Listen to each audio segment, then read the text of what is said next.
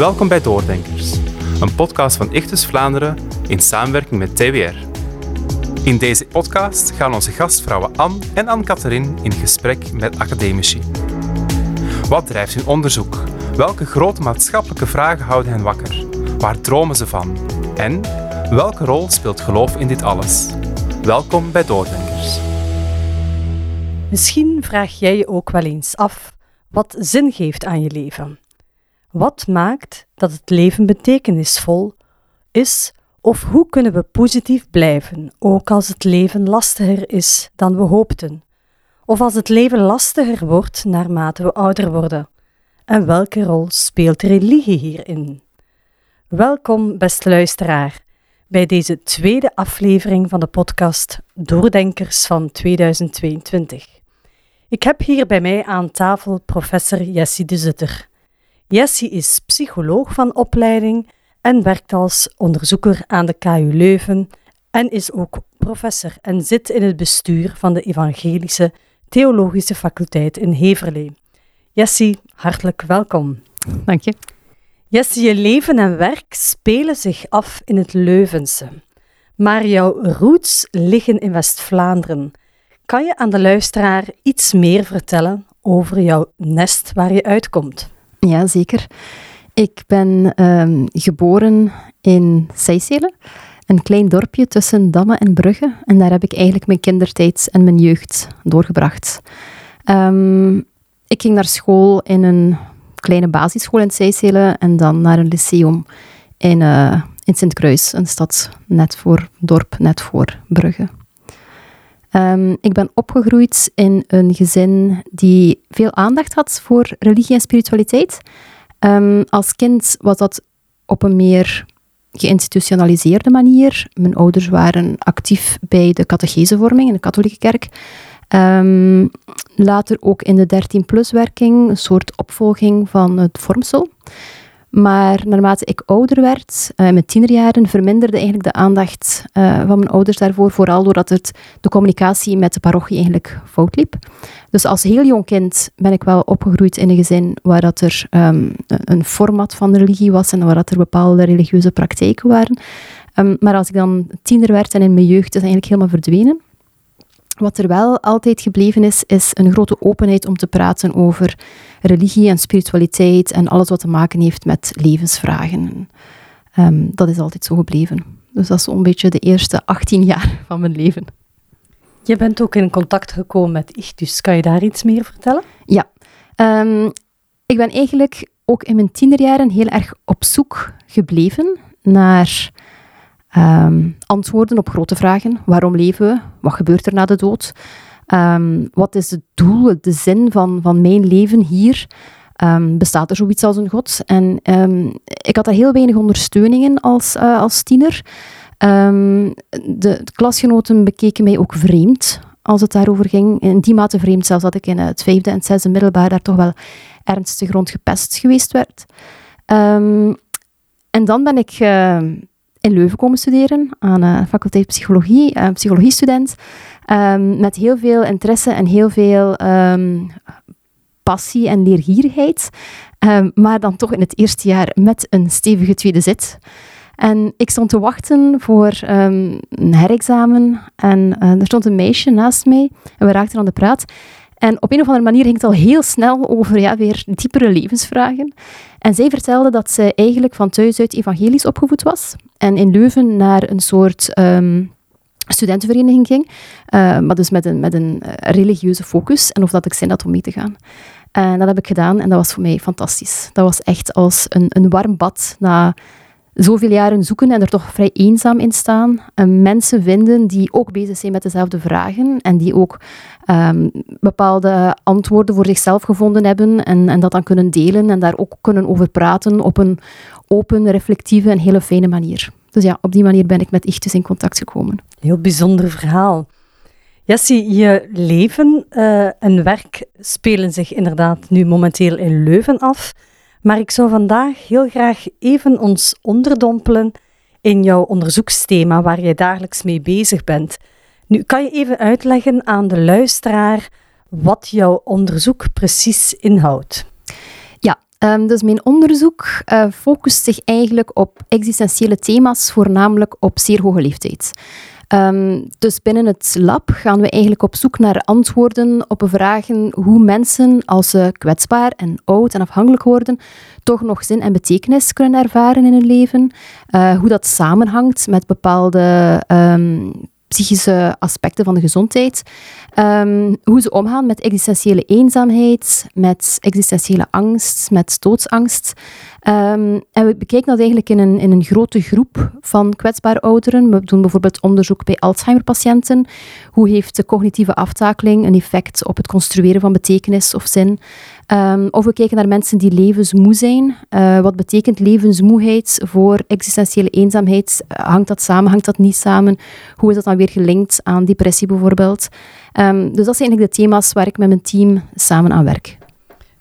Zijn er ook thema's waar religie misschien iets meer uitgesproken in zit in jouw onderzoek? Ja, religie is um, zit heel vaak in de marge van het onderzoek. Er zijn een aantal onderzoekslijntjes die zich daarop focussen. Uh, ik heb bijvoorbeeld op dit moment een doctoraatstudent die werkt rond de psychologische ervaring van genade.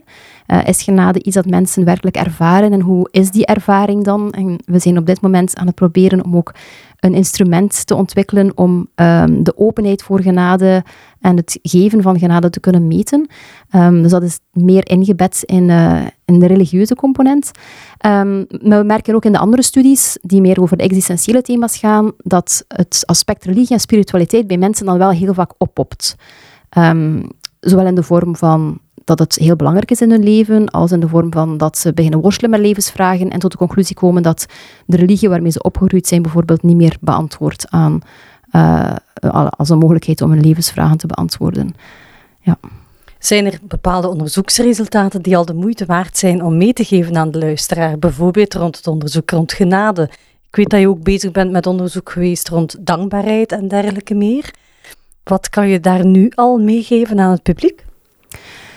Um, misschien interessant, uh, rond het onderzoek van genade hebben we eigenlijk um, heel veel open vragen gesteld aan mensen, waarin mensen zelf konden vertellen over hoe voor hen genade eruit ziet. We hebben dat gedaan zowel aan gelovige mensen als aan niet-gelovige mensen. En we zien toch eigenlijk een, een gezamenlijke basis in die ervaring. Um, voor mensen is het iets, een, een bijzondere ervaring, waarbij ze zich openstellen voor iets wat ze niet verwacht hebben. Um, iets dat er plots komt, waarbij ze vaak in een, in een positie staan van afhankelijkheid. Het overkomt hen, het is hen gegeven, het is een cadeau. Um, waarbij dan natuurlijk voor de gelovige participanten het linkje heel vaak komt naar het goddelijke. Um, wat dat afwezig dan is bij de niet-gelovige uh, participanten. Maar we zien toch bij alle twee de groepen het, het bijzonder karakter van een ervaring van genade. Dat denk ik is toch wel um, al iets moois om te zien. -hmm. Je hebt er net al iets van gezegd. Hè? Wat heeft er jou toe aangezet om ja, met dit thema bezig te zijn? Als persoon hoor ik dat dat jou intrinsiek als, persoon interesseerde. Maar zijn er nog andere zaken die een stukje richting gegeven hebben aan het thema waar je nu mee bezig bent? Um, het klopt inderdaad dat het mij intrinsiek interesseert. En als ik nu nadenk over mijn onderzoek, en ik kijk terug naar die middelbare schooltijd, dan herinner ik me dat in het vijfde middelbaar um, je de vraag kreeg om je te verdiepen in bepaalde filosofische stromingen. En um, dat er voor mij de existentieel filosofen dan wel de toppers waren. Um, dus dat zat er inderdaad al in. Dat is altijd een, een kernaspect gebleven. Anderzijds zijn er ook bepaalde uh, wendingen geweest in mijn leven en gebeurtenissen die dat eigenlijk versterkt hebben. Of die duidelijker gemaakt hebben van dit, dat is eigenlijk het pad die voor jou het beste pad is. Um, ik ben psychologie beginnen studeren vanuit een groot interesse naar hoe zit de mens in elkaar en hoe werkt de mens. Um, ik heb een stage gelopen op een psychiatrische afdeling. Ik vond dat heel pittig. Ik zat ook in Nederland alleen.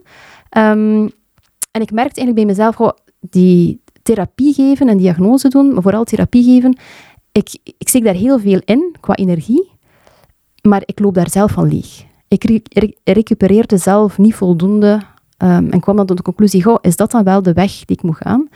En ik was op dat moment bezig met een masterproef bij um, Dirk Hutsebouts rond religieuze cognities.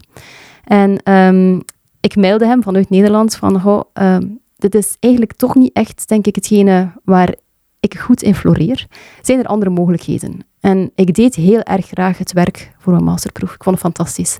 En hij zei, ja, eigenlijk komt er binnenkort bij mij een plek vrij als assistent. Als je wilt, kan je daarvoor solliciteren.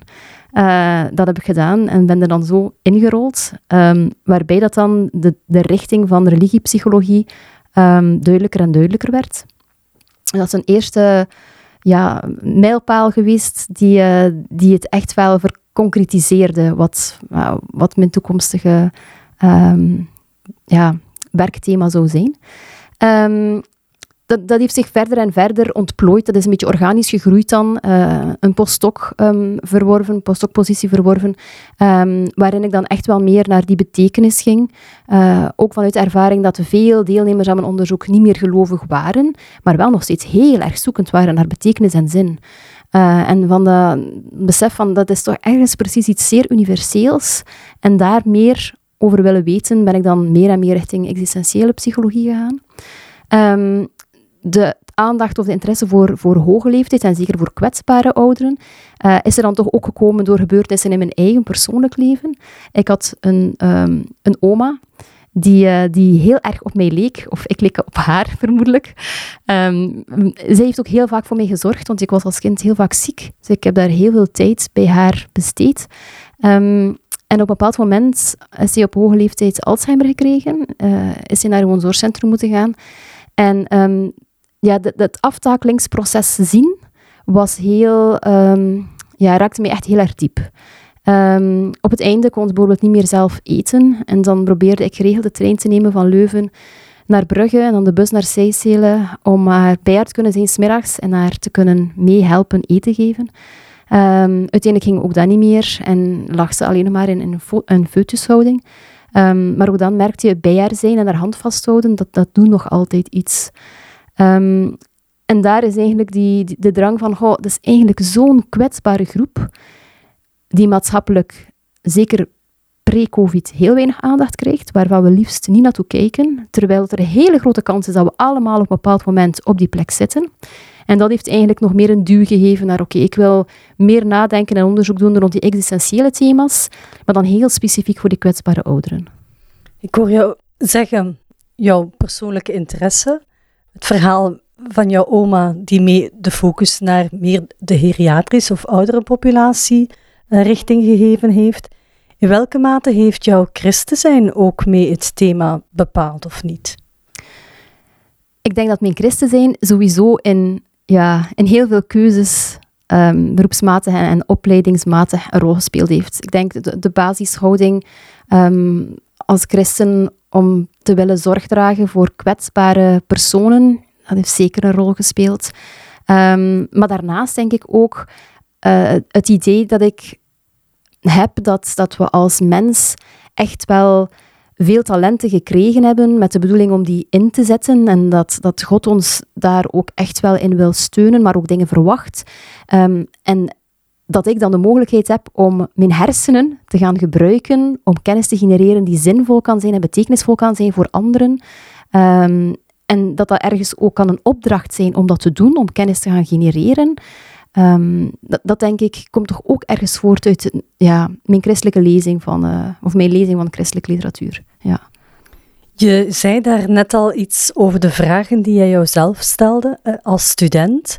Je bent dan bij Ichtus terechtgekomen in welke mate kreeg je antwoorden of zijn die vragen bediscussieerd binnen Ichtus en wat betekende dat voor jou?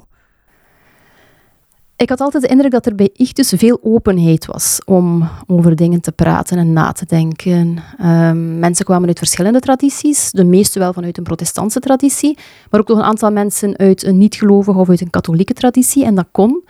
Um, het was vooral voor mij heel stimulerend om verder na te denken en ook te zien dat er bronnenmateriaal is waarop dat je kan baseren. Ik bedoel, in de katholieke kerk is, het eigen, is de eigen lezing van een bijbel niet zo frequent, um, of dat wordt dan niet echt zo gestimuleerd. Dus we hadden wel een kinderbijbel thuis, maar het is niet dat, dat, dat, ja, dat ik als kind gestimuleerd werd om zelf te gaan lezen en um, of zelf te gaan bidden. Um, en dat was eigenlijk voor mij wel een beetje een eye-opener van, goh, amai, zie, we kunnen gewoon samen in de Bijbel lezen, we kunnen daarover nadenken, we kunnen daarover reflecteren, we kunnen onze weg zoeken daarin. Ehm, ik heb niet het gevoel dat Ichtus mij pasklare antwoorden gegeven heeft. Maar er was vragen. wel openheid om Ja. het bespreekbaar te stellen, wat misschien wel een belangrijke opdracht is voor een dergelijke studentenvereniging. Ja, absoluut. En ik denk, achteraf gezien, was het ook niet zo dat ik per se op zoek was naar antwoorden, maar meer naar een mogelijkheid om te mogen en te kunnen nadenken. En ik denk dat Ichtus daar een ontzettend belangrijke rol kan in spelen. Ik vraag me af, in de voorbereiding van dit gesprek, je hebt onderzoek of je doet onderzoek rond dit thema, je bekomt bepaalde onderzoeksresultaten. In welke mate helpen die onderzoeksresultaten jou in jouw persoonlijk leven? Kan je daar zelf mee aan de slag? Eh, doe je zaken anders op basis van ja, jouw bevindingen die je hebt in het onderzoek? Ehm, ja, dat denk ik wel, ja. Maar ik denk dat dat ook voor een deel samenhangt met ehm, hoe ik in elkaar zit en wie ik ben. Ehm, ik heb nogal een, een, een brein dat ervan houdt om wetenschappelijke bevindingen te toetsen als mini-experiment in mijn eigen leven. Dus Oké, het is boeiend. inderdaad, eh, inderdaad zo dat, dat ik soms gewoon dingen toepas eh, in mijn eigen leven. Ehm, we hebben een stukje onderzoek gedaan rond dankbaarheid bijvoorbeeld. En ehm, rond dankbaarheid is echt een heel groot onderzoeksdomein met heel veel degelijk onderzoek, kwaliteitsvol onderzoek. Ehm, en bepaalde tools zijn ontwikkeld binnen dat domein, bijvoorbeeld het dankbaarheidsdagboekjes ehm, of het terug herinneren van mooie momenten en je dankbaar daarover voelen. Eigenlijk gaat dat een beetje terug op tel je zegeningen. Dat blijkt efficiënt te zijn voor het welbevinden te stimuleren, ehm, lichte depressieve symptomen eh, te verminderen. En ik heb dan bijvoorbeeld een tijdje samen met mijn kinderen s'avonds, als ik hen in bed stak, eh, een stukje de Bijbel gelezen. En dan samen met hen in een klein schriftje opgeschreven van wat was nu eigenlijk het mooiste moment van de dag? Waar denk je nu eigenlijk echt met heel veel plezier aan terug?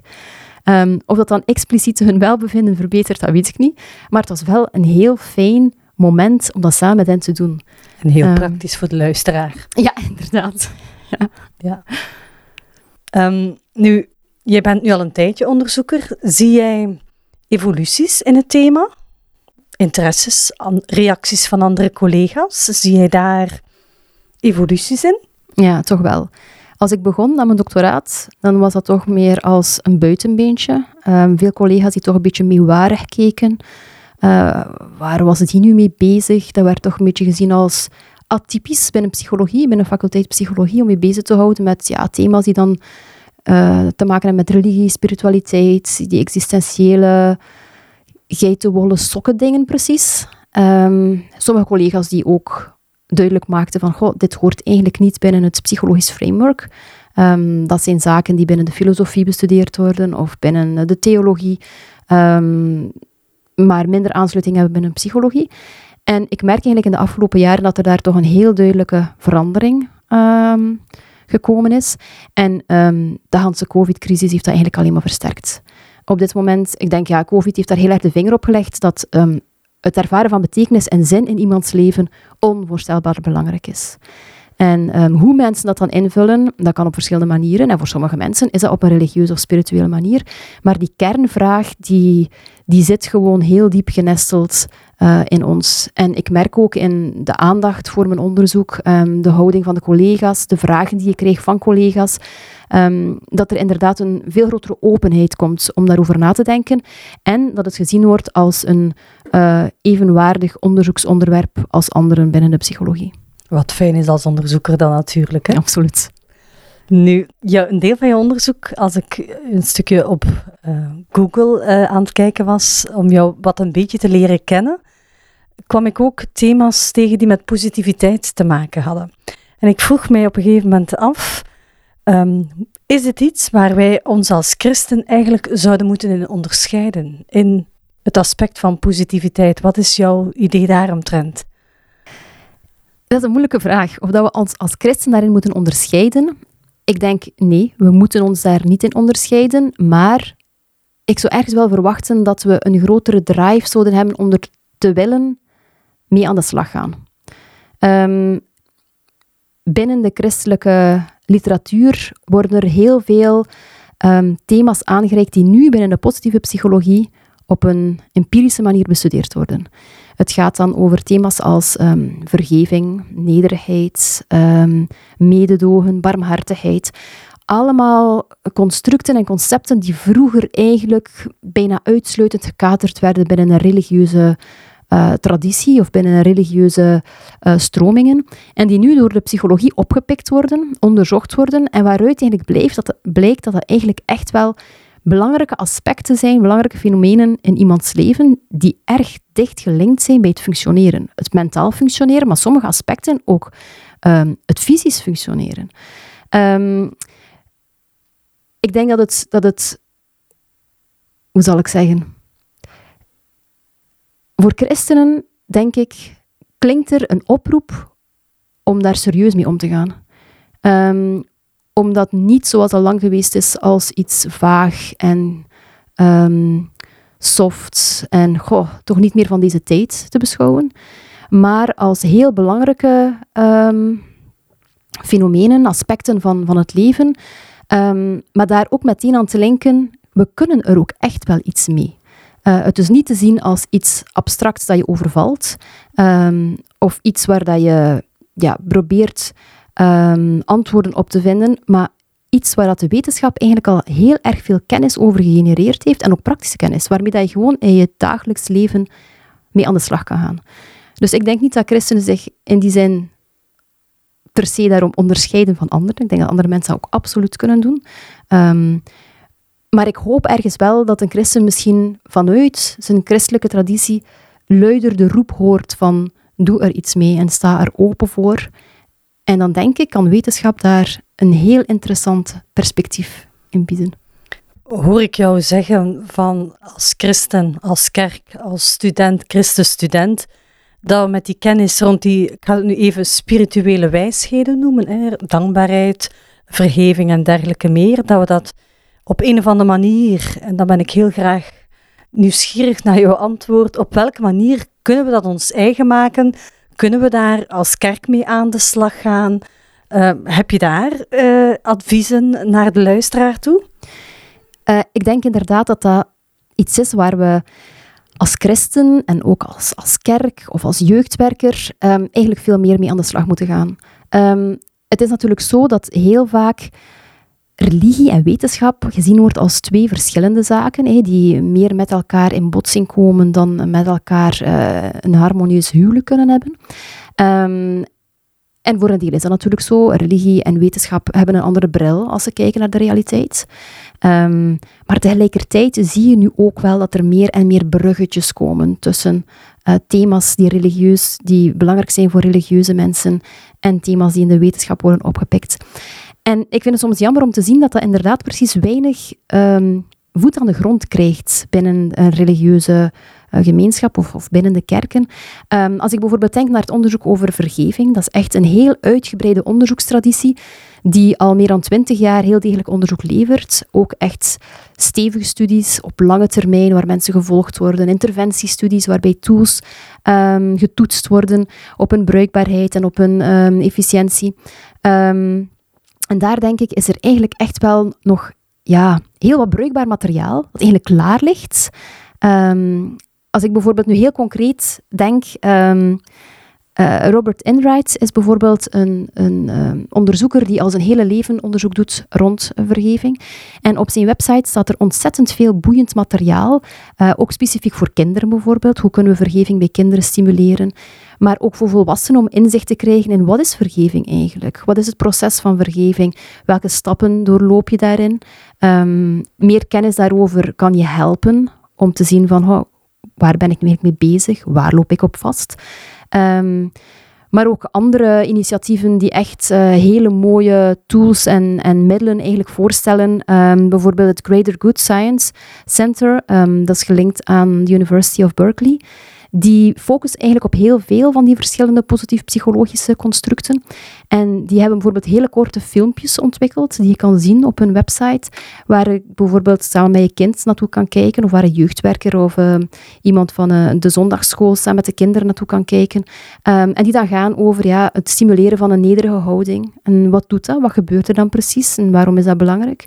Ehm, bijvoorbeeld rond dankbaarheid. Wat kunnen we daar samen aan doen om die gevoelens van dankbaarheid meer te stimuleren? En wat doet dat dan met ons? Eigenlijk, als je kijkt, is er al vrij veel materiaal voorhanden die we eigenlijk zo zouden kunnen overnemen en gaan implementeren in onze kerken. Zo heel praktische tips en uh, hopelijk materiaal om te gaan opzoeken. Maar je zei daarnet ja, dat het toch blijkbaar weinig voeten aan de grond krijgt binnen onze kerken. Hoe zou dit komen volgens jou? Misschien een beetje onbekend is onbemind. Um, ik kan me voorstellen dat, dat het voor velen um, zelfs niet geweten is dat er zoveel onderzoek gebeurt rond positief psychologische thema's. Ik heb zelf ook het gevoel dat er in, um, in Amerika veel meer aandacht daarvoor is dan in Europa. Uh, de meeste grote onderzoekscentra rond positieve psychologie bevinden zich ook um, in Amerika of in Canada, minder in Europa. Um, dus ik kan me voorstellen dat, dat een groot, uh, groot aandeel daarvan eigenlijk gewoon komt omdat mensen het niet weten. ik denk dat dat eigenlijk de belangrijkste reden is. Nu, denk je dat we als kerk ons aantrekkelijker zouden kunnen maken, mochten we bij wijze van spreken meer de wetenschappelijke beschikbare evidentie of het wetenschappelijk bewijs ja, ook meepakken in ons kerk zijn en in wat we binnen die kerk doen. Ik weet niet of dat we ons, ons als kerk per se aantrekkelijker moeten voorstellen. Mhm.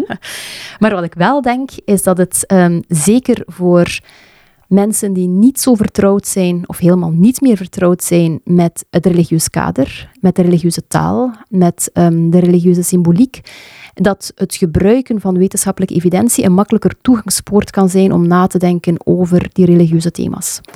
Dus ik denk dat het een, een, een opening kan bieden om via deze weg met mensen te praten over thema's die binnen het christendom bijvoorbeeld heel erg belangrijk en relevant zijn, op een manier en in een taal die verstaanbaar is voor mensen die niet binnen een religieuze context opgegroeid zijn of leven. Ja, um, aantrekkelijker was misschien niet de meest ideale woordkeuze. Geloofwaardiger is misschien een betere woordkeuze. Nu, je hebt al een aantal concrete adviezen gegeven waar kerken, uh, mensen die in jeugdwerk uh, bezig zijn mee aan de slag kunnen. Nu, doorgaans is een van de laatste vragen die ik tijdens een podcast stel, als jij iets kan, wil meegeven rond jouw brede thema aan, het zij studenten, aan kerken, zijn er nog andere dingen die je zou meegeven? Je hebt natuurlijk al een aantal, of een pleidooi gevoerd voor een aantal mooie tools om toch even een kijkje te nemen, maar zijn er nog zaken? Um, ik denk als, als boodschap dat ik dan misschien zou willen meegeven, um, durf te geloven in verandering. Um, ik kan natuurlijk dan meteen denken in verandering op sociaal vlak en op maatschappelijk vlak. Dat is moeilijk te verwezenlijken. De maatschappij is zo groot. Het gaat om um, zoveel mensen met meer macht of organisaties met meer macht, wat dat vaak zo is. Um, maar tegelijkertijd bestaan al die organisaties en bestaan al die systemen ook weer uit mensen. We zijn allemaal mens. En um, verandering kan zo, denk ik, van op een heel klein, micro-individueel niveau starten. Tegelijkertijd denk ik dat, het, dat je ook mag durven geloven in verandering in jezelf. En soms heb ik een beetje het gevoel dat dat in het christendom, zoals althans ik het vandaag beleef, dat er daar heel veel op gewezen wordt in de Bijbel die we hebben en in um, het materiaal die we, die we binnen onze traditie hebben, dat verandering kan. Uiteindelijk, als we kijken naar de figuur van Jezus, dan doet hij ongelooflijk, op ongelooflijk veel momenten verandering. En tegelijkertijd heb ik vaak het gevoel dat we als christen, als hedendaagse christen, niet echt zo gefocust zijn op verandering um, bij onszelf. Terwijl ik denk, uh, we weten ondertussen, en dan ben ik daar weer met mijn wetenschap, dat wij als mens veel meer plasticiteit hebben en veel meer flexibiliteit um, dan we vroeger dachten. Het is helemaal niet zo dat je al alleen als kind groeit en ontwikkelt. Um, ook als volwassene, zelfs op hoge leeftijd, is er nog een, een hoge mate van verandering mogelijk. En ik denk, als we dan bijvoorbeeld denken aan zaken als um, beter leren omgaan met je emoties, emoties leren reguleren, je kinderen helpen met emoties te reguleren, stress reguleren, uh, zowel voor de studenten als iedere andere levensfase, vrij cruciaal. Um, dan zijn er eigenlijk heel veel inzichten in, in, um, in de wetenschap die ons kunnen helpen om daarmee aan de slag te gaan. En ik denk echt dat als we, als we dat doen als christen, dat we ehm, verandering faciliteren bij onszelf en proberen actief daaraan te werken, dat we op die manier ook ervoor kunnen zorgen dat we er voor de ander kunnen zijn. En dat we voor de ander een, een veilige, betrokken uh, plek kunnen zijn waar er mededogen is, um, waar je je op je gemak mag voelen, waar je je geliefd mag voelen. Um, en ik denk niet dat het daarom noodzakelijk is dat je dat veranderingsproces helemaal alleen doormaakt. Want dat heb ik soms ook het gevoel in onze maatschappij, moet je het vooral alleen doen, zelfstandig, autonoom. Um, ik denk dat, uh, dat we zeker als christen ons gerust in een afhankelijke positie mogen plaatsen. En dat dat ook betekent dat je hulp mag vragen als je merkt van ik wil graag veranderen op bepaalde vlakken en ik loop af vast. En dat kan al zijn dat je steun vraagt bij vrienden of bij familie, maar dat kan ook zijn dat je kijkt naar meer professionele steun in een coach of in een therapeut. Um, en ik denk dat dat uiteindelijk ook bijdraagt naar echt meer empathisch kunnen zijn en meer zorg kunnen dragen voor de ander. Um, maar dat betekent wel vaak dat we ons afhankelijk opstellen ten opzichte van een ander of ten opzichte van de ander. Alvast een heel sterk pleidooi, denk ik, dus voor verandering in onszelf, maar toch ook verandering in kerken door dat wat we weten, onder andere vanuit jouw onderzoek, maar ook vanuit jouw collega's, om dat ook mee te pakken in het kinderwerk, in ons werk uh, binnen de kerken. Nu, een van de fijne dingen aan gastvrouw zijn, is dat je in gesprek kan gaan met collega's die je voordien nog niet kende. Zoals bij mij het geval was met jou, Jessie. Bedankt voor dit fijne gesprek en het was heel fijn om jou te leren kennen. Luisteraars, graag tot een volgende keer voor meer doordenkers.